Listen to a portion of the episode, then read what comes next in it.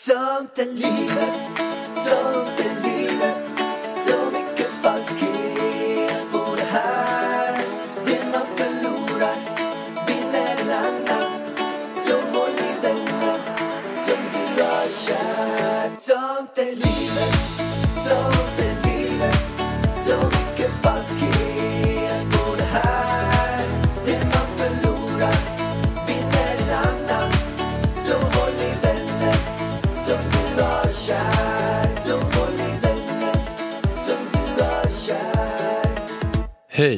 Våra kära Sånt är livet-vänner och välkommen till ett nytt avsnitt av Sånt är livet med Alex och Ida. Är du laddad vargen? Jag är så himla laddad för den här podden. Jag kan bara säga god morgon från New York. Ja, god morgon från nivå... Ja, god morgon från New York. Och här sitter vi på ett eh, lite halvdassigt hotellrum. Alltså det är ett fint hotellrum. Men efter vi har typ fått ha några timmar här inne så ser det ut som en soptipp. Var du så här sopig innan du träffade mig eller på något sätt har du blivit det vargen? Vadå det, jag det, sopig? Det, det är banangrejer Ja men vad överallt. konstigt, alltså vaknar man klockan tre på morgonen av jetlag och är hungrig så får man ju köpa med sig frukost till hotellrummet. Och vad ska jag göra med allt skräp? Det är havregryn ja, det är ju på golven. faktiskt du. Jo, men det är det jag menar. Att du och jag har blivit lite äckliga, eller? Nej, vi har alltid varit det i sådana fall. Men det är ju så här man hemma. beter Alltså grejen är så här. Inte hemma är vi inte det? Alltså Eh, hemma skulle jag ju du- aldrig få ha banan så här på golvet eller havregryn på golvet. Nej, men hade inte jag bott där så hade du ju haft det. Absolut. För du är ju rädd för mig. Ja, ja, det är Att det, jag ska bli lack. det är jag verkligen. Alltså jag har ju verkligen eh, snappat upp mig själv. Nej men alltså varje morgon så börjar jag med att diska dina, en sked med jordnötssmör som ligger nere i diskhon och någon, eh, något glas eller någonting. Alltid är det någonting. Ja. För du ställer in, men du ställer inte in allt. Du liksom lämnar en tiondel. Ja, alltså jag har ju vissa sådana grejer ibland. Att det kan vara så att jag kanske ställer in mycket. Men sen är det någon sked, någonting som jag har kvar. Hur svårt kan det vara? Undrar man då. Men jag kan säga som så här, jag har rest med många tjejkompisar. Alltså hotellrummen ser samma ut med varenda människa man reser med. Det kanske är att alltså, när man det väl- går ju inte att hålla ordning här inne i det här lilla och så har man inget, alltså va? Det går ju liksom Det kanske är också att man unnar sig själv och vara lite grisig när man Men väl är vi på vet hotellrum. ju att städerskorna kommer ju om någon timme och, och plockar upp det här. Vi har ju betalat för det. Jo, det har vi gjort. Det har vi gjort. Då får Men man... man unna sig. kan få unna sig lite grann. Men nu är vi i alla fall i New York. eh, Och det har varit en jäkligt skön resa hit måste jag säga. Varit eh, Jättehärligt. ashärlig. Men innan, om man skulle dra tillbaka lite grann som har hänt senaste veckan. Innan eh, jag åkte till New York, som jag åkte då med dig. Men det jag gjorde var att jag hade en så jäkla maxad vecka. Alltså det var helt stört. Jag fattar inte att det alltid blir så innan man ska ut och resa. Det blir så för mig också. Det är som att alla man jobbar med och allting, det ska liksom pressas in. Jag bara, hallå, jag ska åka till New York i fem dagar. Vad är problemet? Nej, alla möten ska göras, alla samarbeten ska göras och gärna liksom under tiden man är på sin semester så ska samarbetena upp. Jag vet inte varför det blir så. Ja.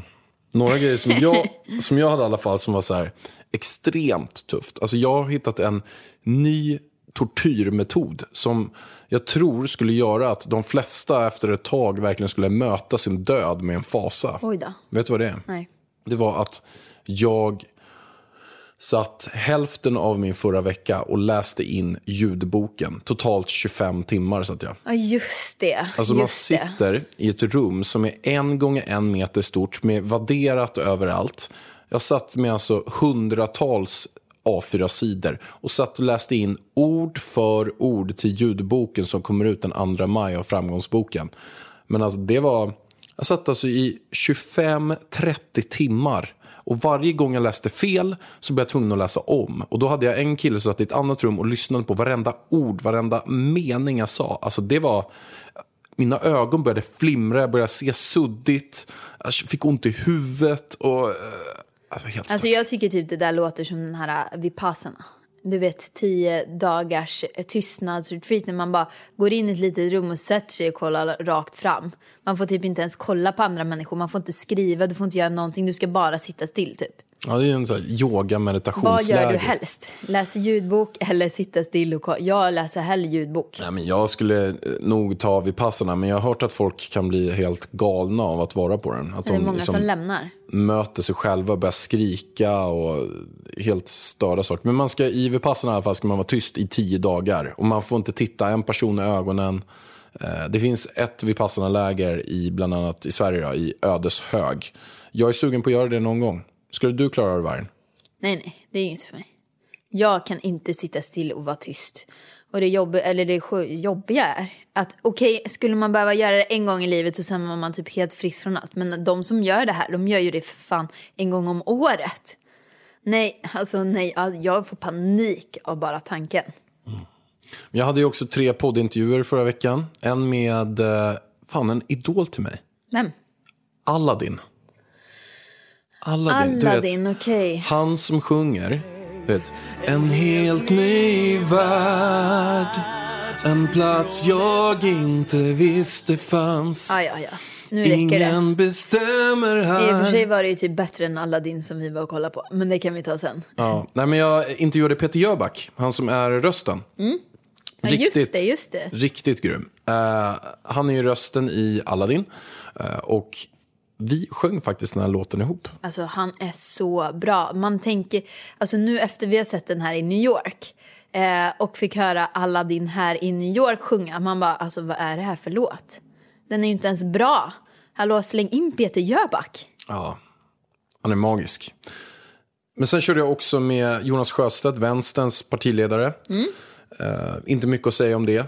Eh, men jag körde även med, och inte mycket att säga om det bara. Det lät ju så inte Ja, jättebra. nej, men det, det var Jag lite tycker han verkar väldigt trevlig. Han är trevlig, men att intervjua eh, partiledarna så här nära valet. Jag betar igenom alla partiledarna nu. Det, det, känns blir som att väldigt de, strikt, eller? Ja, de har lite så här tvångsrem på sig. Eller tvångsrem. Mm. De, de kan inte säga kanske att de eh, kastade kiss på en annan person, där säga, men att de, de kan inte riktigt vara sig själva tror jag. Och, Men och, har du intervjuat Annie Lööf? nej. För jag tycker Eller ändå, jag gjorde det förra året, men det kommer komma eh, en igen nu. jag tycker hon ändå svarar, alltså inte så här efter ett manus utan mera som hon tycker och är lite skön liksom. Mm. absolut. ja, du ska intervjua henne? Ja, Ja men vad bra, då vill jag lyssna. men hon är bra. Men jag intervjuade en sju, alltså det var, det var riktigt bra alltså. Riktigt bra.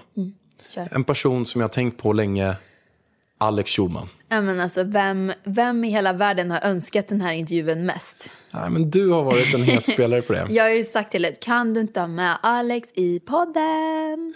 Det blev, alltså den blev, den blev riktigt sjuk Jag ville verkligen, alltså jag är så taggad på att höra det här mötet mellan dig och Alex Schulman. Alltså ni är så olika, fast jag tror ändå att ni är lite lika på något vis.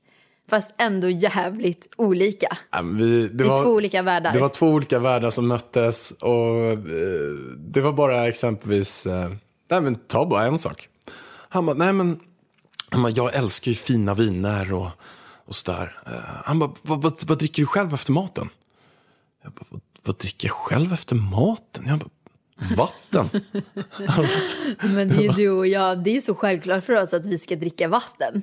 ja. Eller kanske lite grönt te om man ska lyxa till det eller något sånt Ja, där. han satt också och pratade om sina, grö- sina olika teer och det är Earl Grey och rökigt och det ena och det andra och hit och dit. han är och allt finsmakare. Han är riktigt finsmakare. Han bara, vad gillar du själv för te? Jag bara, pucka. Pucka te är gott. Men du Han har ju bara, ingen koll pucka. alls. Alltså pucka har ju 50 smaker typ. Ja, jag vet. Det var Han menar ju liksom, märke. gillar du rött, grönt, Earl Grey? Alltså vad gillar ja, men du? Det där har inte jag koll på. Alltså. Nej, jag vet. Du tar bara te. Du tror att te är samma. Ja. Nej, Ja. men det finns ju typ jordgubbste och sen finns det väl sån här eh, äckligt te. Typ sån här grey-te. Så som jag dricker här nu. Jag tycker det är skitgott. Ja. Citronte finns det väl? Det, det, man kan säga att det är där Ja. min nivå ligger på det. Men, Men när kommer intervjun upp? Intervjun kommer på onsdag. Det kommer bli The Tools of the Titan, jag säga. The Rock of the Titan. De, de två som möts. Eh, alligatorerna mot varandra. Kopparna som inte har något i sig men kommer att slås ihop. Okej, nu räcker det. Okej, ja. Vi har fattat. Vartas. Ja. Tell me about your week. Ja, men det... Ska vi köra engelska resten av podden? Nej tack. Okej, men jag kan köra engelska en liten stund. Nej tack. Okej, tack. Det, det är bra tack. Det är uppfattat. Eh, min vecka, alltså den var så stressig så att jag kommer typ inte ens ihåg. Det var så här möte, möte, möte plus att folk också var väldigt sjuka. Så att när jag liksom har bokat in en fotografering hela förmiddagen med saker som måste göras innan New York. Och så får man den här, nej jag är sjuk, det går inte. Då ska man få in den i ett schema som eh, liksom inte har en enda lucka. Så man fick, jag fick avboka, pyssla om, pussla om och sådär. Så att jag är väldigt glad att just den veckan var över. Den var bra, men lite för stressig för min smak. Och Din fotograf blev sjuk va? Ja, hon blev lite sjuk. Och sen var det även va? ett till eh, möte som också skulle ha tagit tre timmar. Som också avbokades i sista sekund, vilket blir så här... Fuck, det blir dödtid här plus att jag måste få in de här sex timmarna någon annanstans i mitt schema någon gång under de här tre dagarna som är kvar innan jag drar till New York. Men jag såg, eh, jag var ute på en, eh, en lite längre AV i, på tisdagen. Det var ju då när jag också skulle plåtas. Och, och jag såg AV? Att, ja, och jag såg att Lisa var ute och kröka på tisdagen. Ha, ha, ha, ha. Nej, jag skojar bara. Lisa är världens Lisa, bästa. Lisa är världens grymmaste. Ja. Hon var inte ute och drack sprit. Hon, hon gillar inte det heller. Okej, okej. Nej, men min vecka var, var, var bra. Eh, väldigt hektisk. Men sen så, nu är den ju toppen. När vi åkte till eh, New York här. Alltså, jag mådde ju väldigt illa där på morgonen. Jag, illa, morgonillamåendet har typ kommit tillbaka. Men jag tror att det var för att vi, jag inte käkade någon frukost innan vi drog till flygplatsen. Och sen blev det ju väldigt mycket strul på flygplatsen så det drog ju ut på det. Så när vi stod där och skulle checka in och de, de sa att ditt ESTA inte fungerar och frågade om jag ville åka själv till New York. Jag bara kände så här, jag spyr i en papperskorg här bredvid nu. Ja, men det var ju kaos. Alltså, vi står där på säkerhetskontrollen och de säger så här att nej, men du, du eh, kommer inte komma in till USA. Ditt ESTA fungerar inte. Och och jag bara, va? Men jag har gjort det. De bara, nej men det är fel. Och sen rätt vad det är så började de att se väldigt misstänksamt på mig. Och började vara, de, de var inte alls lika trevliga som de var innan. Eh, och och så de bara ställde här borta. Så fick jag ställa mig bakom en, ett typ ett eh, skynke. Eh, och sen visade det sig som så här att det hade varit en kriminell på gästen innan mig. Någonting sånt hade varit kriminell och hade sitt bagage incheckat som hade blivit fasttaget. Och då trodde datorn att det var jag som var kriminell och därför så funkar inte mitt ESTA eller, eller min, min, jag gick inte igenom kontrollen på grund av att Nej, jag gick på någon fick annans hans. bagage i det eller något. Jättekonstigt. Jättekonstigt. Så jag, bara, jag såg så här, kan jag inte käka frukost, jag vill kräkas när som helst för att jag mår illa för att jag är gravid. Och den här resan som jag har sett fram emot, som vi har stressat hela veckan för, vi är på flygplatsen och de frågar om jag vill åka ensam till New York. Alltså skämtar de med mig? Alltså jag, bara, jag ville bara lägga mig ner och börja gråta. Men, men vi kom till New York i alla fall. Eh, Ja. Har det varit en bra födelsedagspresent hittills? Mycket bra. Alltså, jag älskar det här. Det är så, alltså, jag, jag får någon så här varm känsla i kroppen när jag är i New York. Jag skulle inte kunna tänka mig att bo här, har jag kommit på efter att ha varit här nu i tre dagar. För att för mig är det alldeles för hög ljudvolym överallt. Det är alldeles för mycket folk och det är alldeles för stressigt. Jag är ju en sån här...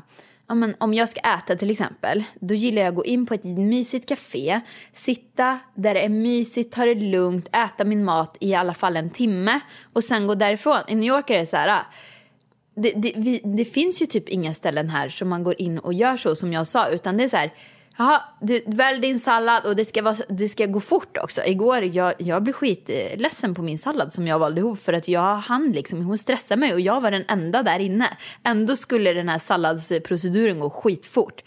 Så man köper sin sallad och sen finns det ingenstans att sitta, utan man, det finns ståbord i värsta fall. Så man kan stå och äta salladen. Eller så vill de typ att man ska äta den on the go eller någonting, jag vet inte. Ja, men jag håller eh, helt med dig. Jag tycker att det är... Men samma inne där på Stökigt. Starbucks alltså igår när vi skulle gå in och bara, men vi går in och tar en te. Nej det gör vi inte för att det fanns inga sittplatser. Det var en stor Starbucks men det var typ någon bänk som man, man kunde sätta sig ner och vila lite eller någonting och bara svepa den där kaffen och sen skulle man gå vidare typ. De ville inte ha oss där inne. Ja, men sen också trafiken är total katastrof.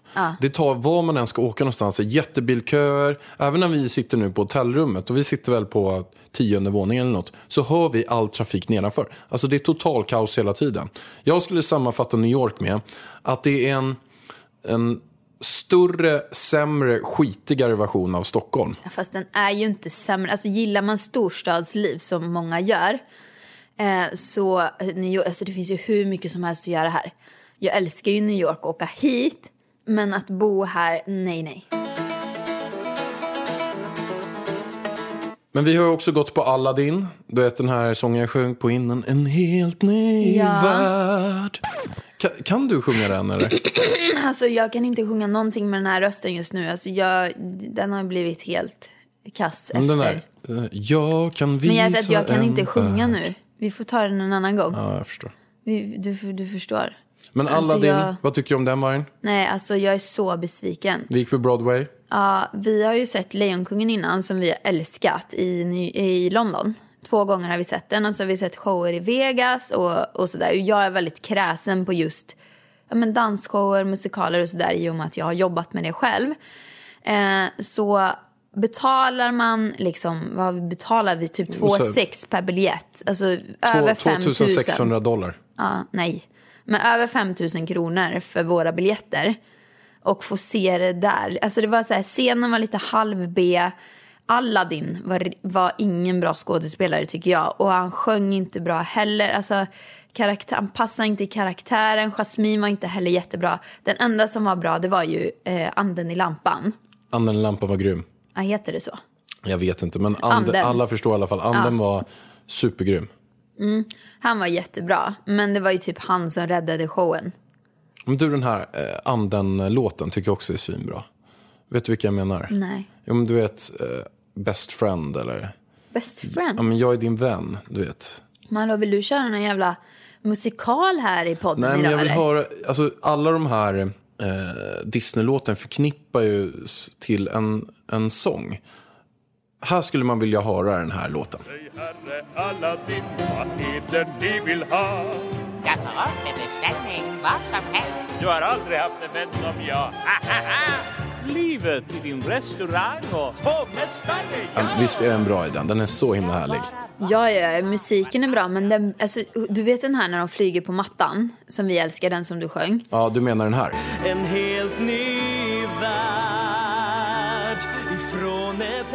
Den är ju fantastiskt bra när Peter sjunger den. Och vem det nu är, är svenska tjejen. Men när vi var där, jag hade sett fram emot, jag bara okej, den är inte bra, men jag ska i alla fall få höra den här låten. Och när den kom, för det första, jag kände inte ens igen den när den började. Och sen så blev det så här, nej, den blev aldrig bra. Nej. Nej det, det var, det Så var vi rekommenderar faktiskt inte Aladdin eh, inte. att se den här i New York. Utan gå på Lejonkungen eller Hamilton har vi ju försökt boka för vi har hört så mycket bra om Hamilton. Men vad- alltså den, på riktigt, när vi skulle boka den, för det första är den slutsåld. Och sen när vi skulle boka den nere på hotellet här, hon, alltså den billigaste biljetten kostade närmare 12 000. 1200 dollar. Nej men alltså, va? Hon sa ju i och för sig att de, att de la på lite eh, genom att boka här. Men när vi kollade på internet innan så var det typ de där... Jag bara, ska jag betala 12 000 för att gå på en musikal som jag inte vet är bra? Var. 12 000 kronor var. Så jag har betalat 24-25 000. Nej, men alltså, nej. Sen är det tax på det, Det också finns säkert. inte på världskartan. Jag såg hur många massager jag skulle kunna ta för de här pengarna. Nej, nej, nej. Eller shoppa. Mm. Och shopping har vi gjort. Det har vi gjort. Vi har köpt eh, massa olika grejer. Vi har köpt väldigt mycket saker till lilla minivargen. Oh, alltså det var så söta saker. Jag gick ju crazy inne på Gap hette affären. Ja. Alltså det var så söta saker. Jag tror att vi typ har köpt en av varje i hela butiken. Ja, gud, det var jättekul. Vi måste hitta en ny barnklädesaffär. Och det är ju så himla mycket man måste ha. Med det här med barnkläder. Det är så här, ja, jag har en liten body. Alltså det är ju inte så dyrt. De kostar väl 149 kronor en body. Det är ju billigt. Men bara, det är ju bara att man måste ju typ ha tio stycken i den minsta storleken. Sen typ efter några veckor så byter den till en större storlek. Och så ska det vara tio av varje. Alltså det, är, blir jättemycket pengar. Men du vet vad jag är lite orolig för? Nej. Jag är orolig för att det finns ju ett mått som är så här 0 till 3 månader. Och här i USA är det så. Ja, och jag är eventuellt orolig att vi kommer få en jättebebis. Ja, men det så är här jag med. Mega dunderbebis, vilket gör att vi missar alla kläder 0 till 3. Att det kommer ut som en tre månaders bebis. Ja, och vi har typ bara köpt 0 till 3. Alltså jag, när jag håller upp de här 0 till 3 månaders kläderna, jag bara, det finns inte en chans att han kommer vara så här liten. Vi kommer ju få slänga de här kläderna. Alltså jag tänker ju, det är en kille och jag tänker att han kommer ju brås på dig. Och Ja, du, är ju inte, du är ju inte en liten kille, om man som, säger så. som din f- farfar eller farmor. Och då han träffade farfar innan Farfar. han dog. Då sa han, när du kom hem till dem och vi skulle fika. Första gången jag träffade Idas farfar så öppnade han dörren och sa så här. Nej men Ida, det där var ingen liten pojk du släpar hem. Oh, han var ju van att han är liksom den längsta och största. För alla andra i släkten är ju ganska korta. Så, oh. Och, och hur liten är jag då? Jo, jag är 1,93 och väger 105 kilo. Så att, ja, jag är ingen liten pojk. nej, du är ingen liten pojk. Och det är ju det jag ser framför mig ska komma ut ur mig. En jättebebis. En jättebebis. Och jag har ju till och med drömt mardrömmar om den här jättebebisen. Jag förstår det. Det är ju en stor mega-alien som ska komma ut ur Ja, dig som är ganska liten. Och så ser jag de här små shortsen så jag bara, det, det här går inte ens på en docka liksom. det, det finns inte en chans. Men du, är du orolig? Har du bestämt om du ska eh, föda vaginalt eller analt? Tänkte jag. Eller, eller det, där, Ja, det där jag andra. kör i analen. Jag kör bakvägen liksom. Men det där, eh, det där, man brukar ju säga att man ska bajsa ut. Kejsarsnitt Kejsarsnitt, ja. det. Men vad jag ska göra då? Alltså jag vill ju föda vaginalt. Varför vill du det för? Därför att jag tror att, alltså dels för min egen skull höll jag på att säga. Men eh, nej, alltså det känns som att det är den natur, vad jag har hört är att barnet börjar göra sig redo när verkarna kommer och är redo för att komma ut. Har inte verkarna börjat, det här är det någon som har sagt till mig så jag vet inte om faktan stämmer. Men om inte verkarna har börjat och man gör ett kejsarsnitt så kan barnet bli väldigt förvånat och det kan vara konsekvenser. Plus att jag har hört på tvn, ty jag tror det var Malou, då var det en läkare där som sa att eh, om man inte föds vaginalt så får man inte mammans eh, magbakterier med sig. Eh, och jag är ju född med kejsarsnitt så jag, och jag har ju haft en hel del magproblem genom mina år och jag vet att jag är väldigt dåligt med just goda magbakterier så att det kanske inte spelar någon roll om jag föder vaginalt eller med kejsarsnitt för att jag har inga magbakterier ändå. Men det där fattar inte jag riktigt. Alltså att om man föder vaginalt så är det att ungen trycks ut med huvudet und, i vaginan och vaginläpparna, blygdläpparna dras kring barnets ansikte. Snälla. Nej, men alltså om man ska göra rent konkret. Och då blir det så att de här, eh, det här eh, blygdläpparna och, och eh, skötet, det, det trycker in då bakterier i barnens mun. Eller att den får... Nej men jag vet inte. Att men... de får bakterier i munnen som den sväljer och sen har de dem i, i sin mage och det blir bra magbakterier. Så den, den, den sväljer, om man ska rent konkret, slidsekret som gör att den får bra Men magbakterier. varför skulle slidsekretet ha väl ingenting med magbakterien att göra? Men, den föds, men är det inte att den ska födas vaginalt, alltså att vaginan? Och det är det som är bakterien? Nej, det är något annat tror jag. Alltså, det är väl processer som jag vet inte. Fråga en läkare eller någonting. Det är vad jag har hört på Malou efter tio. Punkt slut. Men det är inte därför jag vill föda vaginalt. Inte Okej. bara, utan det är också för att jag har hört att man återhämtar sig snabbare om man föder vaginalt.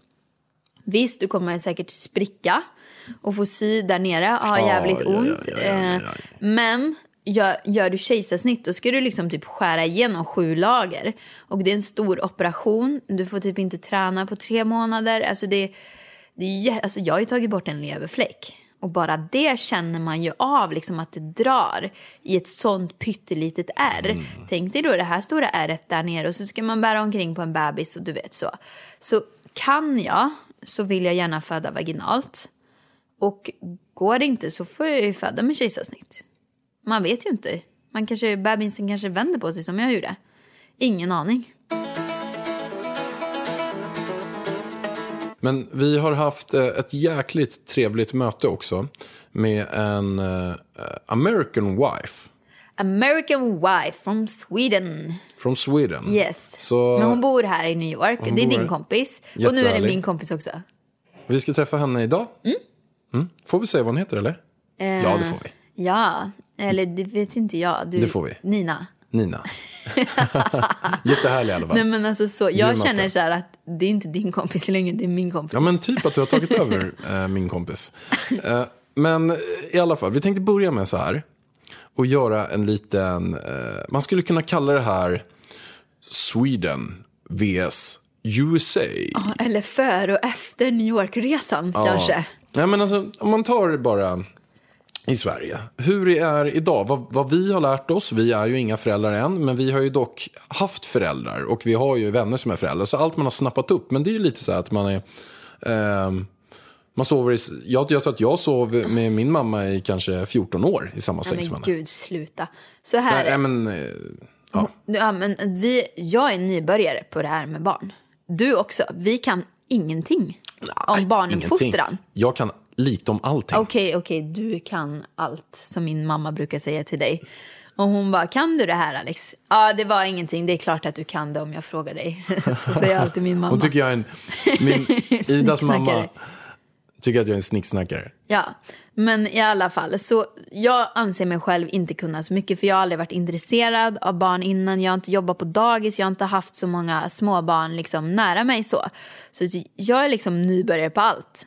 Eh, och då har man ju liksom ja, men pratat med folk i Sverige och läst i forum och lyssnat på barnmorska och snappat upp. Och så det vi har kommit fram till, vad, vad hade vi tänkt? Kan du berätta hur vi hade tänkt att barnet skulle typ Ja men absolut. Av allt man har sova, snappat upp, allt man har lärt sig och att man har varit ett barn själv så tänker man ju så här att nej, man sover i samma säng som föräldrarna. Eventuellt då mellan föräldrarna. Ja, vi hade ju tänkt ett litet babynest. Att man har ett babynest och lägger den i sängen. Och så har jag läst i många bloggar att ja, men mamman säger så här. Ja, när barnet vaknar så kan den bara, jag kan sova och amma samtidigt. Typ. Barnet rullar över och ammar lite. Ja, det är ju många av våra kompisar som, som gör så. Alltså att de, de, eh, barnet börjar skrika och då rullar man över sitt bröst. Ja, vi vet inte exakt hur det här går till. Nej, man rullar över bröstet, stoppar in bröstet i munnen, typ halvt sovandes. Och det är det mest effektiva sättet att få tyst på ungen, få den mätt och sen komma tillbaka till sin sömn. Och sen gör man så tre, fyra gånger per natt. Och så. Men det är i alla fall en grej, att man sover i samma säng, den låter barnet där. Hur länge man sover, jag vet inte. Kanske ett år, två år, tre år eller hur länge det nu än är. Hur Så länge som vi känner, lite hipp som happ. Lite hipp som happ, man tar det lite sådär som det kommer. Det viktigaste är att barnet känner närhet, man sover i samma Och säng. Och, och man kan mata, man kan rulla över och trycka in det här jättebröstet i munnen på den då och då. Bröst. Ja, Men då blir ju jättestora. Ja, i och för sig. Dina bröst har ju fan blivit size up. Ja, alltså de har ju växt ganska rejält faktiskt. Sen innan, måste jag ju säga. Jag har ju fått hundratusentals frågor om vart jag har gjort mina silikonbröst. Men nu vet vi ju alla att det är ju eh, bara hormoner. Nästa grej som de flesta eh, föräldrar gör är att de gungar barnet till söms. De har det, skriker det. Så står man och juckar, eller inte juckar. Jocke. Man står och... Uh, uh, Okej, fin, fint att du visar det här för våra poddlyssnare. Jag tror inte de ser riktigt. ja, man står och gungar upp och ner i alla fall så att det här barnet Men ska det sova. kan jag se så många föräldrar. De står alltid sådär och hoppar. upp Hoppar, och ner ja. med barnet, ja. Så säger man så här... Och slår lite i rumpan, Ja, typ. slår lite i rumpan och sen kanske man säger så här... "Shh, shh, shh, shh, Ja. ah, shh, shh, shh." Ja, okej, okej. Okej, nästa är. Eh, man, eh, många barnmorskor säger också att man ska amma, att det är viktigt. Um... Nej, men, ja, det är väl klart att det, det är ju viktigt. Och kan man amma så, så, så tycker jag väl att man ska försöka göra det. För att det finns ju mycket bra i den där bröstmjölken. Men det är i Sverige, som jag har hört från många som har fött, att man blir väldigt skuldbelagd om man inte klarar av att amma. Vissa mår ju psykiskt dåligt av att amma. Vissa får skitont och får inte ut någon mjölk och barnet bara skriker, det blir inte mätt ordentligt. Eh, och då, jag hade en tjejkompis, alltså hon höll på i tre månader. Brösten blödde. Det gjorde så jävla ont. Ungen skrek konstant hela tiden för att han blev aldrig mätt, barnet. Och hennes barnmorska sa fortfarande att hon absolut inte tyckte att hon skulle ge barnet någon ersättning för det var livsfarligt typ. Eh, och min tjejkompis hon bara grät och grät och grät och blev deprimerad och visste inte vad hon skulle göra. Till slut bytte hon barnmorska och den barnmorskan sa ge honom ersättning nu. Varför håller du på så här? Och eh, hon gav honom ersättning och eh, ungen skrek inte mer. Nej. Men då i alla fall en grej att, att eh, många barnmorskor kan vara så i Sverige att de säger att man ska amma och man kan nästan känna sig skuldbelagd. De flesta, eh, ja, man sover i samma rum som barnet. Eh, och man kan ta exempel som en av mina bästa kompisar, kan inte nämna namn, men det är en av mina absolut bästa kompisar. eh, Topp två på den listan. Eh, han i alla fall låter eh, sitt barn eh, liksom somna på hans bröst, vilket är väldigt my- mysigt. Eh, att eh, de ligger på kvällen, han kan ligga där några timmar, han kör de här juckande rörelserna, han sjunger några Syssan lull, kokar kittelen full. Lite så. Och sen somnar de på hans bröst. Så det har blivit en typ av rutin. Eh, Så man kan säga så- hade var våran bild av att det är i Sverige och våran bild att vi också skulle eh, uppfostra den här lilla lillen. Man kan säga så här kort och gott. Ta det lite som det kommer. Ja, var lite så här. Man är lite, man är lite konstant halvängslig hela tiden. Och är lite, eh, man tar det lite manjana, tar det som det kommer. Och lyssna på barnet. Man, man, precis, man lyssnar på vad barnet verkligen vill och vad det känner för. Och det är det man gör. Precis, det var, det var ungefär våran bild innan vi hade den här lunchen med Nina. Och nu har det totalt förändrats. Alltså den är, alltså vi, totalt förändrad. Och vi tänkte gå igenom några saker nu. Vi har ju legat här på morgonen. Vi har ju precis, vi fick ju en bok av Nina som vi kan berätta mer om sen. Eh, som vi nu har börjat läsa här på morgonen och antecknat. Alltså vi har ju lärt oss mer på typ en halvtimme än vad vi någonsin har vetat om barn. Ja, i typ hela våra liv. Och man kan ta en grund och det är att barnet älskar rutiner. Nu ska vi säga att det här är ju enligt, det, vi vet ju inte om det här stämmer men det, vi, vi tycker att det är bra. Ja, men sen är det också så att den här personen som har skrivit den här boken och de här som, som gör det här. Eh, eh, vi, kan, vi kan ta vilken det är. Det är Content Little Baby Book från Gina Ford. Hon har varit eh, en barnmorska och har coachat i barnuppfödan och haft hand om, liksom, och coachat föräldrar över 300 olika barn. Har hon varit involverad i varje. Och sen sin tid på sjukhuset och som när hon har forskat inom det här så har hon skrivit en bok om de de bästa sakerna. Så att, eh, det här är ju ingenting som vi har hittat på. Det här är saker som vi har hört som vi tycker så här att wow. Det, det, Men vi this tycker det låter shit. bra. Eh, men jag kan säga som så att svenska barnmorskor gillar inte den här Gina Ford. Eh, men då, vi, vi gillar henne. Vi gillar Hittills henne. i alla fall. Och vi kan gå in på den här grejen då, att barn behöver rutiner. Alltså att, att de får trygghet av rutiner. Och då kan man ta så här, men vad är en rutin då? Och det är att det händer samma sak varje dag, varje kväll. Man kan exempelvis ta, så som Gina då rekommenderar. Nina. Nina. Jaha, vi- både Gin. Ja, fast de rekommenderar samma sak. Ja, det är ju samma. Eh, Gina och Nina rekommenderar är ju att på kvällen skulle en kvällsrutin skulle kunna se ut som så här. Att de får eh, mat kanske vid sju, ty- typ vid sju. Och sen eh, så ska man eh, bada barnet. För att bada barnet blir också väldigt trött av. Och efter det så har barnet sitt eget rum. Så att det ska inte sova mellan föräldrarna som typ 97,12 procent gör. Alltså att det ska sova i ett separat rum och få tryggheten i det rummet. Och där kommer vi in på exakt vad man ska göra i rummet och lite sånt. Men det är liksom en, en grund och det som min uppfattning är att många inte har och det är om det är med barn och sen är det även med allting. Det är träning, det är sin hälsa, det är mat, det är när man ska sova och allting. Att har man ingen rutin så har man ändå en rutin. För att även dåliga rutiner är en rutin. Så vaknar du på natten varje natt och spelar Candy Crush, då är det även en rutin att du vaknar på natten varje natt och spelar Candy Crush när du har problem att sova. Det blir en dålig rutin. Samma sak som har du att du har barnet på ditt bröst i två timmar varje natt när det ska sova. Eh, och låt, då, då kommer det ta två timmar varje natt det ska sova. Och går du till barnet varje gång det skriker, då får den en rutin att den behöver bara skrika för att du ska gå till, till barnet. Så att även dåliga rutiner är en, en rutin. Eh, och, eh, men då är en grej i alla fall de sa. Har du något att tillägga med det här med nattningen? Nej, men eh, det, det, det vi blev rekommenderade var att man skulle bada, man skulle mata och sen så bädda ner barnet i, i sängen. och låta den sova själv. Men det vi inte har fattat, vi har inte kommit så långt i boken och det jag inte har fattat än som jag ska fråga Nina sen, är ju att när barnet ska börja sova i egen säng. För att det stod ju i boken att det inte är rekommenderat eh, när de är jättesmå att de ska sova i eget rum. Men man ska ändå vänja dem med sängen så vi vet ju inte riktigt ännu. Vi får återkomma med den. Nina sa att hon hade gjort det från en månad och framåt. Ja, Eh, Att första månaden så sov de eh, där i en liten separat grej bredvid. Sen efter en månad så la de dem i eget rum. just det. Swaddla barnet också. Gjorde man ju i sängen. Eh, och eh, där flyttar man också in till barnet under ett gäng månader. Poddtips från Podplay. I podden Något Kaiko garanterar östgötarna Brutti och jag, Davva, dig en stor dos skratt. Där följer jag pladask för köttätandet igen. Man är lite som en jävla vampyr. Man har fått lite blodsmak och då måste man ha mer.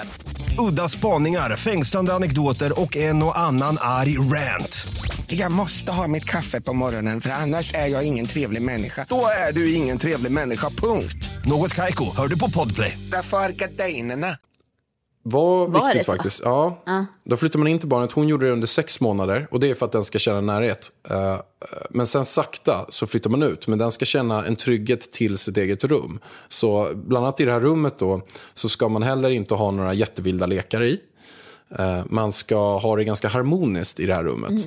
Så att den, den känner en, ett lugn och en trygghet i det. Ja, och det är ju här det blir lite för oss. Eh, för vi hade ju planerat att vi skulle göra en liten barnhörna i vårat sovrum.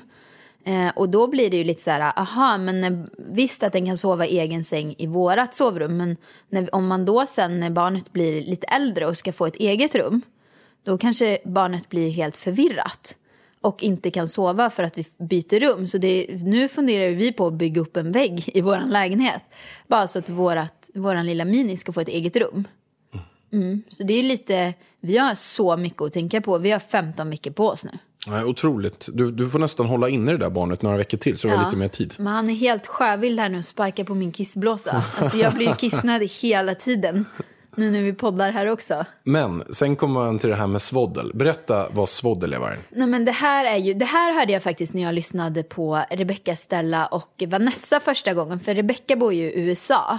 Eh, Och där, här, ska man ju säga för vi är här, så rekommenderar man att swaddla ett barn. Jag bara, vad är swaddla? Så börjar jag googla så ser jag jättesöta små bebisar som ligger som små paket. Och det är att man typ med en filt nästan binder in barnet så att eh, ja, men armar och allting liksom att de ligger som ett litet knyte.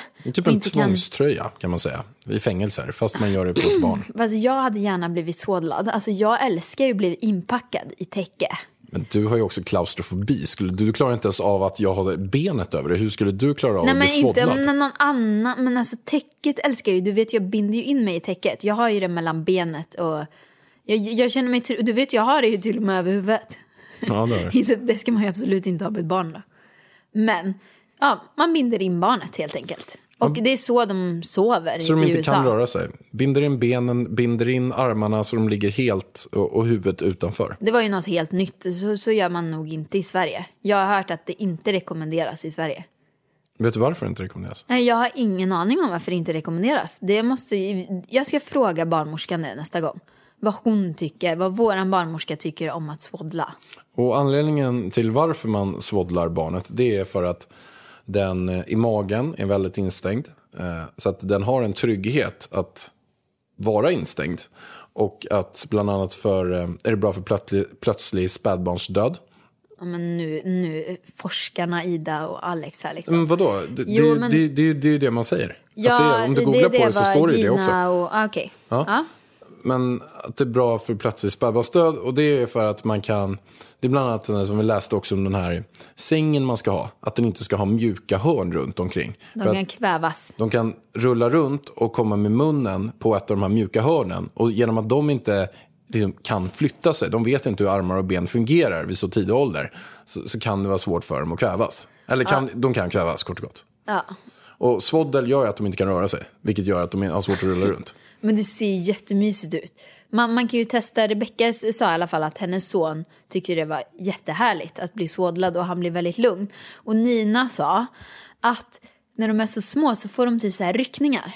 Eh, och kan så här rycka iväg en arm eller ett ben och så slår de dig i, i typ korgkanten som de sover i eller i dig och så vaknar de.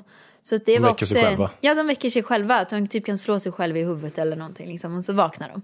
Så att det var lite därför också att, som att de svådlade.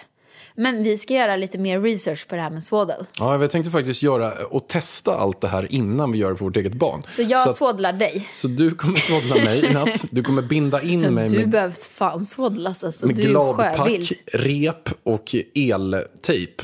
Så kommer jag se hur jag kommer sova. Ja. Jag kanske ska köpa min mun också för jag snarkar. Eller min Ja, näsa och kanske, mun. kanske. Armarna är viktigast i alla fall. Du kan ju ta en påse runt med huvud och Nej, binda men ihop den. sluta, alltså sluta. Ja, det är väldigt mycket nya saker här i alla fall som vi aldrig har hört talas om. Ja, en sak man heller inte ska göra Eh, är att man inte ska gunga barnet till söms. För att då blir det van att man gungar barnet. Så lägger man det sen i en egen säng, då eh, gungas det inte. Och då får den svårare att sova. Så man ska inte, direkt när det, när det ska sova ska man inte gå runt och bara Susan, lull. Och sen ska man bara gå runt och gunga det här barnet som man ser typ alla gör. Alltså jag undrar ju hur det här kommer gå för oss när vi ska testa det här. Alltså Nina kanske hade världens bästa barn. Som det gick hur lätt som helst, allting bara funkar. Och så kommer vi och så bara ingenting funkar. Alltså det ska bli så intressant att testa. Han kanske bara skriker och skriker och skriker så vi kommer stå där. Vi säger alla de här sakerna och sen kommer vi stå där och bara Susanne lull och gunga och ha barnet i sängen och alltså ja, Nej, det kommer inte jag. Vi får se. Får se. Ni får följa med oss. alltså hjälp. En, ett annan, Vilken en, resa, en alltså. annan vettig grej som jag hörde, som jag tycker det, det här var relevant, det är att eh, det är svårt att veta hur mycket barnet får i sig och man kan mata det med bröstmjölk och det sitter och suger på bröstet. Men eh, vissa kan ha problem med brösten, att typ det ena bröstet funkar bra och det andra bröstet funkar dåligt och att i vissa perioder funkar det bra och andra perioder funkar det inte bra. Eh, och där var en elektrisk bröstpump väldigt bra. Fan alltså ska jag sitta där som en, en sån här mjölkkossa liksom. alltså med två slangar på pattarna och så ska det komma, jag har hört att det är fruktansvärt. Ja. Ja men alltså hur kul är det att ha en sån där på sig egentligen? Och så ska det komma ut mjölk där, äh, tjena. Ja men i alla fall var det bra för då ser man hur mycket barnet eh, får i sig. Då kanske man vet att men nu har den fått i sig 500 milliliter och då vet man att den är mätt. Men är det så att typ det ena bröstet inte funkar och som jag har hört flera föräldrar, de tror att de har matat barnet. Men barnet fortsätter att skrika men de vet inte hur mycket som har liksom kommit ut ur bröstet. Hon kanske och sugit på bröstet och inte fått någon mjölk, så var det va? Ja. Ja. Ja, gud alltså det är så mycket, det är så mycket nytt så att min hjärna typ snurrar nu. Vi kommer ju självklart göra en uppföljning på allt det här, eller hur? Men du, jag måste ta den sista grejen som jag också tycker var spännande. Ja men alltså, du, ja okej. Det är ju så här att, eh, så som jag själv tveklöst skulle ha gjort. Om barnet började skrika, då skulle jag komma springande som en jävla antilop och bara så här torka rumpan på den, byta blöja, eh, stå och sjunga Syssan lullåten, eh, ge den mat från din bröstpumpsflaska eh, som jag har fått och trycka in mat på den, i den och, och sen hoppas på att den är lugn. Vi säger att jag gör allt det där.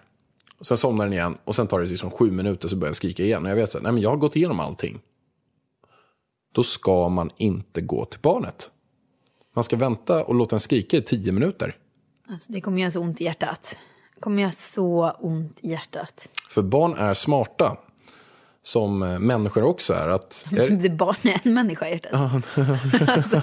nu har du fan rätt i. Att lär den sig att skriker den bara och man kommer springande som en antilop med liksom en hel, ett helt tivoli med sig. Så det är klart den kommer skrika hela tiden. Den kommer bara känna sig lite tråkig. Så. Och sen vet man hur den kommer. Och sen när man går. Och sen när man går igen. Så det blir ju så. Ja, det är säkert. Och därför ska man låta den vänta, typ skrika i tio minuter. Och sen kan man komma in till den. Att den har somnat om då, det här var lite grann på natten. Men eh, Alltså det här är Pärlans babyskola.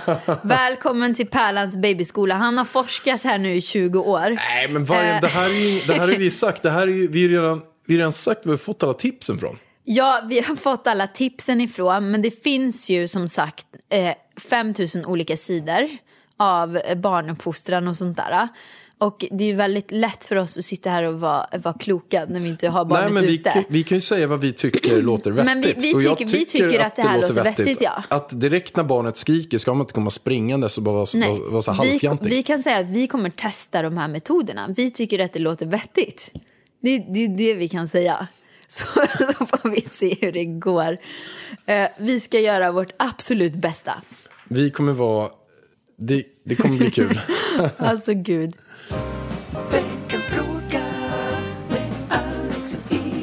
Nu kör vi frågestund. Nog om eh, barnuppfostran här eh, på ett tag. Men det, det var ju faktiskt ett önskemål som jag har fått in från väldigt många. Att de vill att vi skulle prata just mer om eh, det här med barn och hur vi tänker och så. Så nu jäklar fick de. Nu, nu jäklar, nu banne mig. Nu, nu får ni. Eh, ni får också jättegärna skriva in frågor till oss. Det kan ni göra att, om ni mejlar ida att... Nej, du lär dig aldrig den här mejladressen. idavarg at idavarg.se. Idavarg.se. Där får ni också supergärna skriva om de här sakerna som vi har pratat om nu. Det är svoddel, det är om barnet skriker, hur ska man göra och sånt. För då kanske vi har lärt oss det och blir ännu bättre föräldrar. Precis. Ni behöver inte bifoga någon forskningsstudie eller något. Skriv det som funkar för er och vad ni tycker. Det hade varit jätteintressant att läsa. Så att, skriv gärna så här, du så här, Hej, jag lyssnade på Sånt är livet senast. Det är en jättefin podd. Det är en av de absolut bästa poddarna jag och någonsin lyssnat på. Jag har rankat den fem med fem stjärnor och recenserat ja, den. Jag har rankat den med fem stjärnor, recenserat den och tycker att du Ida och du Alexander gör ett helt fantastiskt jobb. Ni är stora förebilder och jätteinspiration. Men nu till grejen. Jag lyssnar på er svoddel och jag tycker det här. Stort tack för mig. Ha det bäst. Kram. Från mig. Ja, kram Göran, 67. Precis. Ja. Och nu går vi över till veckans frågor. Ja. Något tips på hur man får en kille eller tjej på fall? Utom att det är det här klyschiga, var själv. Ja, nej, men jag har ett gäng Var dig tips. själv. Nej, jag har ett gäng tips på hur man får en Okej, tjej på fall. eh, Pärlan. Berätta, hur fick du mig på fall? Ja, nej men, jag- nej, men först är det ju, eh, ett, ett, jag skulle säga en grundinställning. Man vill ha det man inte kan få. Så vi säger att du ska gå fram till en tjej. Och då tänker du så här, ja, den där tjejen tycker jag, eh, den där tjejen vill jag verkligen imponera på. Då är ett tips, prata inte med den tjejen. Prata med hennes kompis istället. Och se till att bli jättebra vän med hennes kompis. För då kommer den här tjejen bara, men vadå, varför pratar han inte med mig? Är han ointresserad av mig? Eller sådär.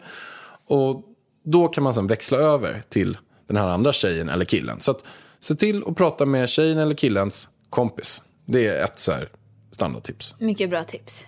Eller? Ja, Alltså, men det är ett bra tips. Alltså man ska vara svårtillgänglig. Det är då man också blir intressant. Om det är någon som är för på, då är det inte Det bra. är kanske är därför jag, jag satt här och tänkte nu, jag bara, hur har jag gjort när jag ska skaffa killar? Och jag har aldrig någonsin försökt. Aldrig någonsin, alltså du vet så här, wow den där killen på krogen, han ska jag ha. Så det kanske är därför att jag inte har visat något intresse, som att det har gått ganska bra för mig. Mm, du har haft ganska mycket killar ändå. Ja men de har ju sprungit efter mig. De har jagat dig som Ja, en, jag, med nej, men pilbåge. skoja bara. Nej, men har, jag har inte haft något problem. Men det kanske är för att jag just har varit lite svårflörtad. Jag är ju, om någon kommer fram till mig på gatan, här i USA är det ju väldigt mycket så. Om man är i Miami, typ på sommaren, och går runt i shorts och linne eller något sånt där, då alla killar är ju som djur. Och liksom bara oh my god you're so sexy la la la la. Och jag, alltså jag blir ju förbannad, alltså jag kokar inom mig. Jag vill gå fram och nita dem, alltså jag ger dem hatblicken. Och du vet, när, de, när det inte funkar på mig så tar de bara nästa. Det var ju inte så att jag var speciell.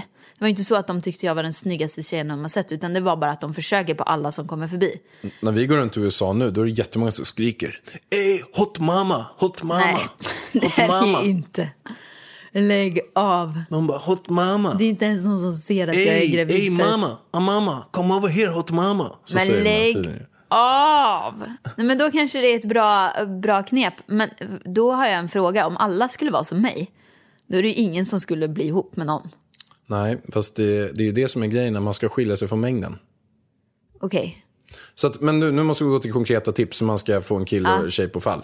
En, ett tips är att vara svårtillgänglig. Var det hela tiden. Ehm, jag brukar göra så här. Att, ehm, eh, är det så att typ Ida messade mig förut.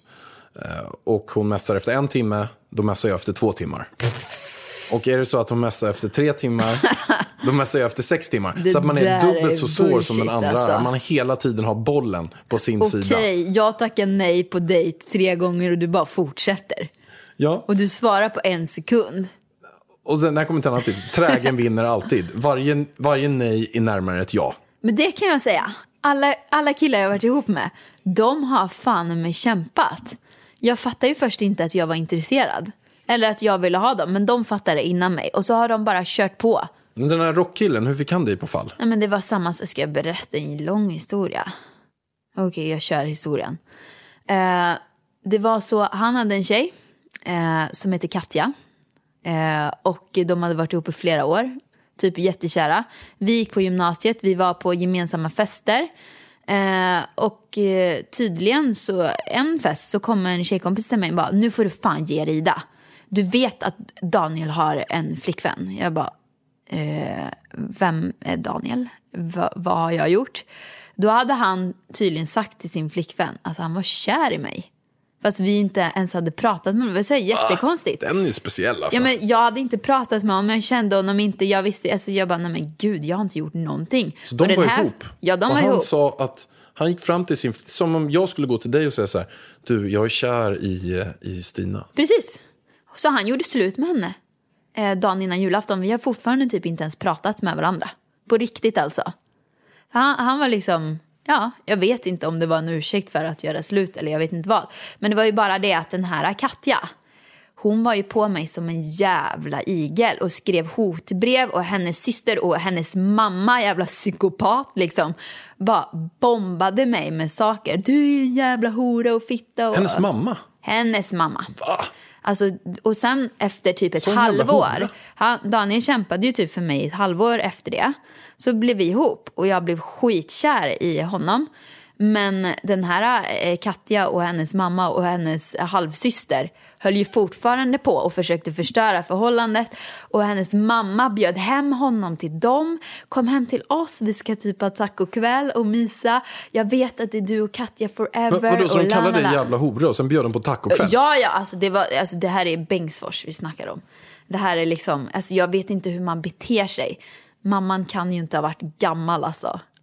Väx upp för fan. Men ska vi inte bara. åka förbi nästa gång och knacka på den dörren nästa gång vi åker till Åmål? Då Man få har, ju bara, alltså, man har ju bara lust att göra det. Vad fan höll de på med? Alltså, jag mådde ju så dåligt av det här. Och de försökte bara dra tillbaka honom i det där förhållandet hela tiden. Eh, men gör man så som mamma? Kommer du göra så? till våran lilla mini? Det låter lite konstigt att jag ska, vi säger om den här lilla minipojken då som är på G. eh, Och att han blir kär i en tjej och sen så, säg, sen så dumpar den här tjejen honom. Mm. Och, sen, och sen kallar jag den där tjejen jävla hora och vi bjuder på tacokväll. Alltså det känns inte som Nej, en men alltså, det var bara koncept. så konstigt. Men hur, hur det gick till var i alla fall att vi hängde ganska mycket. Eh, han och hans kompisar sov hemma hos mig för de bodde i en annan stad och de var i Åmål och festade så sov de hemma hos mig. Vi lärde känna varandra, jag såg att han var en jättefin kille och blev jättekär. Ja. Typ så var det. Så att för mig är det väldigt viktigt. Jag går aldrig på så här utseende eller så, utan personligheten är så viktig för mig. Jag måste lära känna en person för att kunna få känslor för personen. Jag tror också att det är viktigt att sticka ut. Alltså att man är lite skön. Alltså att är man skön som person och är det hemma, se till att vara det på den här dejten också när du träffar den här, när den här eh, killen eller tjejen. Exempelvis, eh, vad jag gjorde då som är lite skönt var att jag hade ju med mig en, en groda på vår första dejt i ett koppel. Som jag gick runt med, den här grodan. Det blev lite min maskot. Och då hade jag även med den på dejten och då såg Ida så här att eh, det var en, eh, en groda jag gick runt med ett koppel och, och tyckte väl att eh, jag antingen var skön eller en psykopat. Och i det här fallet så, så tyckte, hon, tyckte väl du att jag var lite psykopatskön kanske? Nej, alltså jag tyckte du var asskön. Det där, alltså jag, jag brukar ju falla för lite såna här... Nördar. Och, nördar. Jag har alltid gillat att umgås med nördar. Och jag tyckte du, alltså jag trodde ju att, varför jag inte först ville på dejt med dig var för att jag trodde att du var en Stureplansstekare som bara brydde dig om pengar. Och som var så här stel och oskön. Men eh, så hade du grodan med dig och eh, var bara allmänt knäpp hela dejten. Jag bara, fy fan vilken nice kille. Ja, och, så jag tror att man ska nog inte... Eh, du vet, man är jätterolig och skön hemma och sen ska man på dejt och fixar man till slips och sitter man där med rak rygg och lite stiff. Och, och så här. Det kan vara svårt att vara det, man måste ju lära sig själv. Men jag tror verkligen man ska vara sig själv. Alltså, och försöka dra sådana skämt man skulle dra med sina kompisar eller med sin mamma eller pappa eller sin, sin syster. Att man, man, man försöker bara att vara lite skön. Och sen så tänker man så här, bära eller brista, who cares? Det finns jättemånga andra. Ja men grej, det jag tänkte på nu var så här, jag tror inte att man ska stressa upp sig så mycket inför en dejt för att eller försöka spela någonting som man inte är och sådär utan bara komma dit, vara sig själv. Nej, jag. Nej men bara komma dit och ha ett avslappnat tänk kring hela dejten. För jag menar, man kommer känna så här, ah, klickar vi eller klickar inte? Klickar man, då är det så här, då kommer allting rulla på av sig själv. Klickar man inte, nej då kommer det bli lite stelt och jobbigt och då kanske det inte var just ni två. Sen kan det ju för sig bli stelt om man är väldigt, väldigt nervös också. Så ja, ha avslappnat tänk kring det. Går det åt helvete så finns det fler. Ja, och ett annat här, bra tips det är att se till att borsta tänderna ordentligt innan och ha sån här Clarasil i munnen. Eller vad, vad, Klass, inte det så här finmedel? Jo, det kanske. vad är det man har? Man har sån här fluorskölj eller sån här. För att Ja, just äcklig det. andedräkt, det är riktigt äckligt. Nästa fråga tycker jag.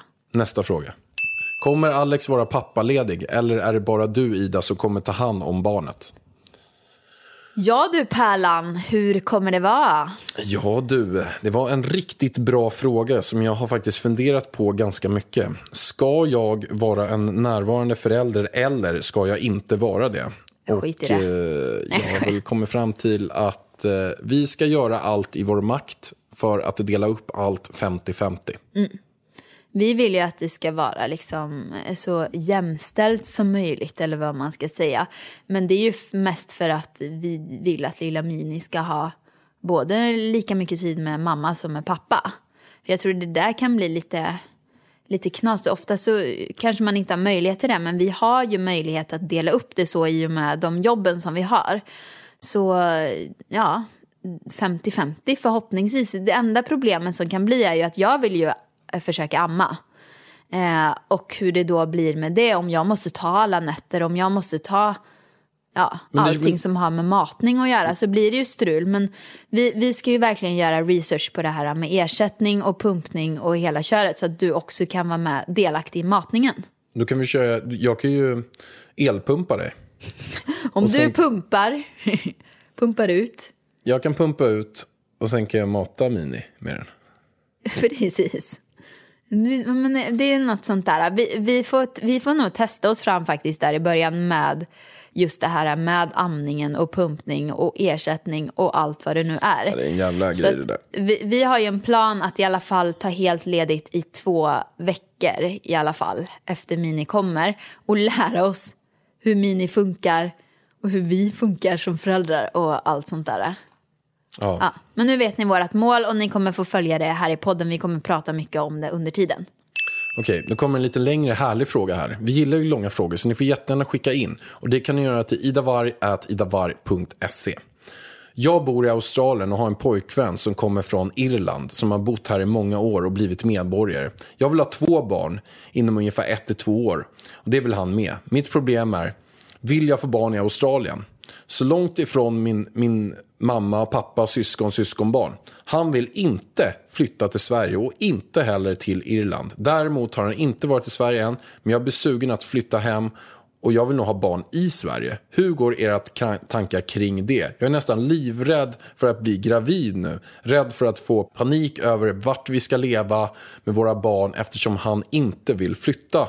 Och vad, vad ska min mamma säga som till och med blir besviken över att jag träffar en kille på andra sidan jorden? Luddig fråga kanske, men jag vill höra hur ni tänker kring detta. Hur har ni gjort tänkt? Och då är alltså frågan så här att hennes kille eh, bor i Australien. Men hjärtat, de har redan förstått Jo, men det, det. det var lite tidigt. Jag vill ändå sammanfatta det för mig själv. Hennes kille bor i Australien eh, och eh, vill inte flytta till Sverige och skaffa barn. Vill ha barn där och hon vill ha barn i Sverige och inte flytta till Australien. Precis. Ja. Vi har förstått. Okej. Det är bra att du klargör frågan tre gånger. Men det här är en skitsvår fråga. För att det är ändå så här, de verkar ha det superbra. De verkar vilja samma sak i livet. De verkar vilja eh, vara överens om att de vill ha ett till två barn nu liksom. Eh, och hittar man en sån och är jättekära och allting funkar så är det jättedumt att bara avsluta förhållanden för att man vill flytta till Sverige. Samtidigt som jag förstår henne, för att det är ju lite samma för mig. Nu är inte Stockholm och Åmål lika långt som Australien och Sverige. Men det är ändå så här fem, sex timmar med bil. Så att det är ju inte så att mina föräldrar kan komma över och hjälpa oss att passa barnet eller, pass, eller träffa barnet hela tiden. För mina föräldrar jobbar fortfarande. Så de kan inte hålla på och pendla upp till Stockholm. Ja, men de har ju trots allt, du, du sa ju nu att de, de har samma mål och samma grej i livet. Ja, de har ju det mycket, men de har ju missat det absolut största. De vill ju inte ens bo i samma land. Det här tycker, jag tycker att den här pojkvännen är lite trångsynt för att han har inte ens varit i Sverige står det i, i det här mejlet. Han har inte ens besökt Sverige och innan han ens har, inte ens har besökt Sverige så säger han att han inte vill bo där.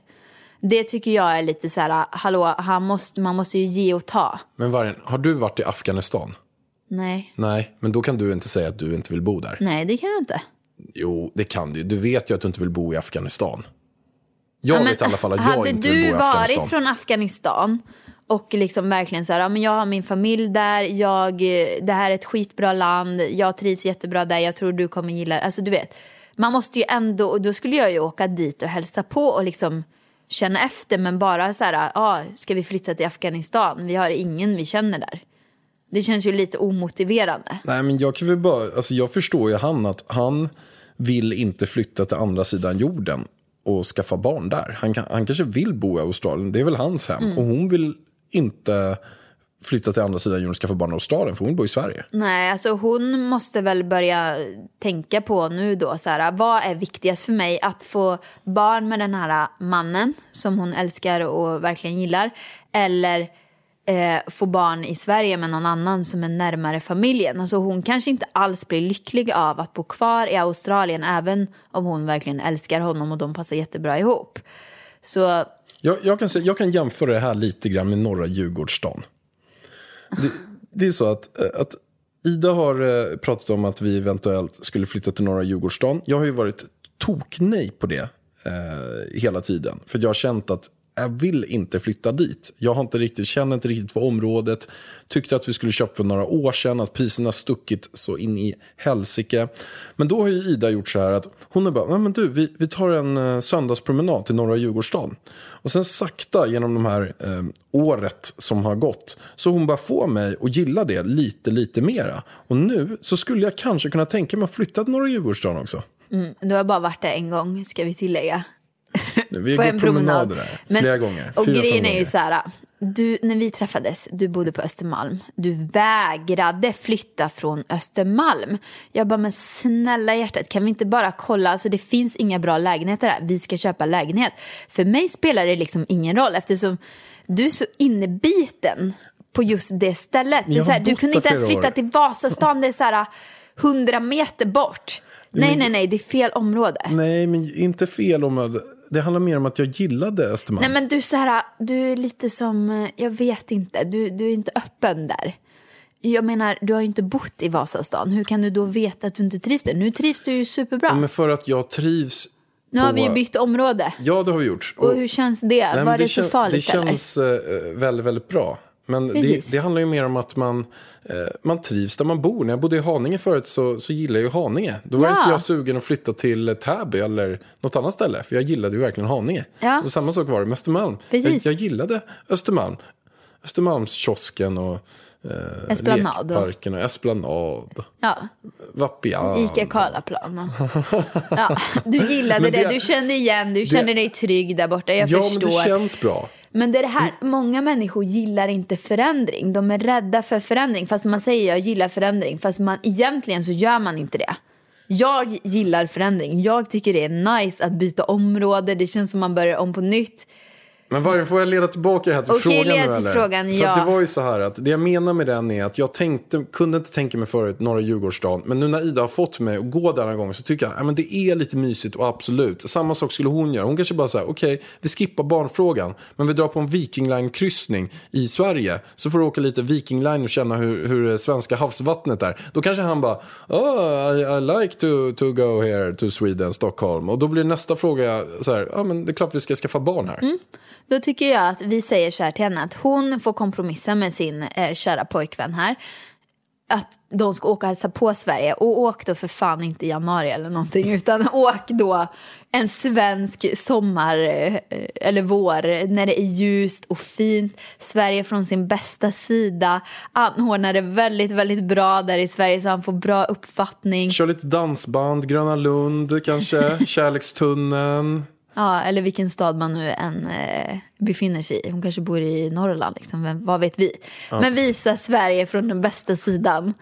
Eh, så kanske han ändrar uppfattning. Och liksom ta upp den här frågan med honom. Men, och känner du att nej, jag vill inte skaffa barn i Australien, jag vill ha i Sverige. Så tycker jag att då är det väl bästa att göra slut, åka hem och hitta dig en man här. Jajamän, och då är det så här att lyssnar du på det här nu, om det är så att du har bestämt att dumpa honom, då kan vi ge en shout-out till dig att du har blivit nybliven singel och vill ha ett till två barn här i Sverige, så kan vi hjälpa dig att hitta någon bra man. Precis, och eh, även om du inte vill ha en shoutout så mejla gärna tillbaks och berätta hur det går. Vi vill ju ha en uppföljning på det här. Vi skulle också vilja bjuda in er till podden. Okej. Nej, vi, vi har ingen gäster i den här podden än. Nej, okej. Eh, Vi vill inte bjuda in er till podden. Nej. Men, men, Jo, det vill vi ju jo, egentligen. vi men... vill, men, vi, men jag får inte Frida. Nej, precis. Men ja, stort tack för frågan i alla fall. Lycka till ni båda. Ta hand om varandra. Hallå, nu har vi poddat här i 58 timmar typ. Nu måste vi upptäcka New York. Vi är här på semester det fast har vi jobbar. Ja, så att nu får, vi hade fler frågor men vi får ta dem i nästa Som program. vanligt. Vi skriver alltid in, vi skriver in typ sju, åtta frågor. Vi tar max en till två. Ja, nu har vi tagit tre. Så att vi ska ut och njuta av New York nu och träffa Nina. Så vi kommer uppdatera er om det här med barnuppfostran och allt vad vi nu håller på med här. Ja. Eh, ja, Men jag har, har ett du något sista mer att tips. säga? Ja, ett sista tips till lyssnarna. Okej, nu kommer Dr. Pärlan. Nej. Eh, jag har eh, eh, skumläst eh, alla olika eh, biblar och Koranen och allt eh, religiöst. Och det finns två sätt man kan komma till himlen på.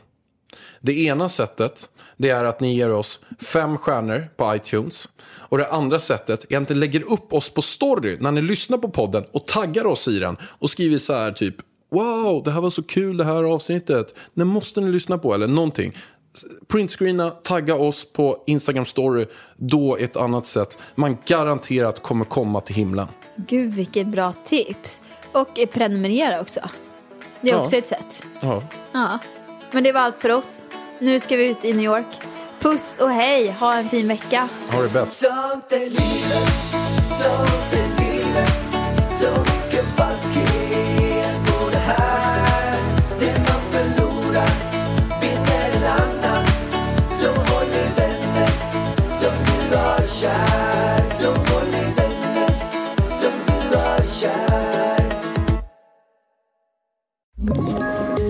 Poddtips från Podplay. I fallen jag aldrig glömmer djupdyker Hasse Aro i arbetet bakom några av Sveriges mest uppseendeväckande brottsutredningar. Går vi in med hemlig telefonavlyssning och, och då upplever vi att vi får en total förändring av hans beteende. Vad är det som händer nu? Vem är det som läcker? Och så säger han att jag är kriminell, jag har varit kriminell i hela mitt liv men att mörda ett barn, där går min gräns. Nya säsongen av Fallen jag aldrig glömmer på Podplay.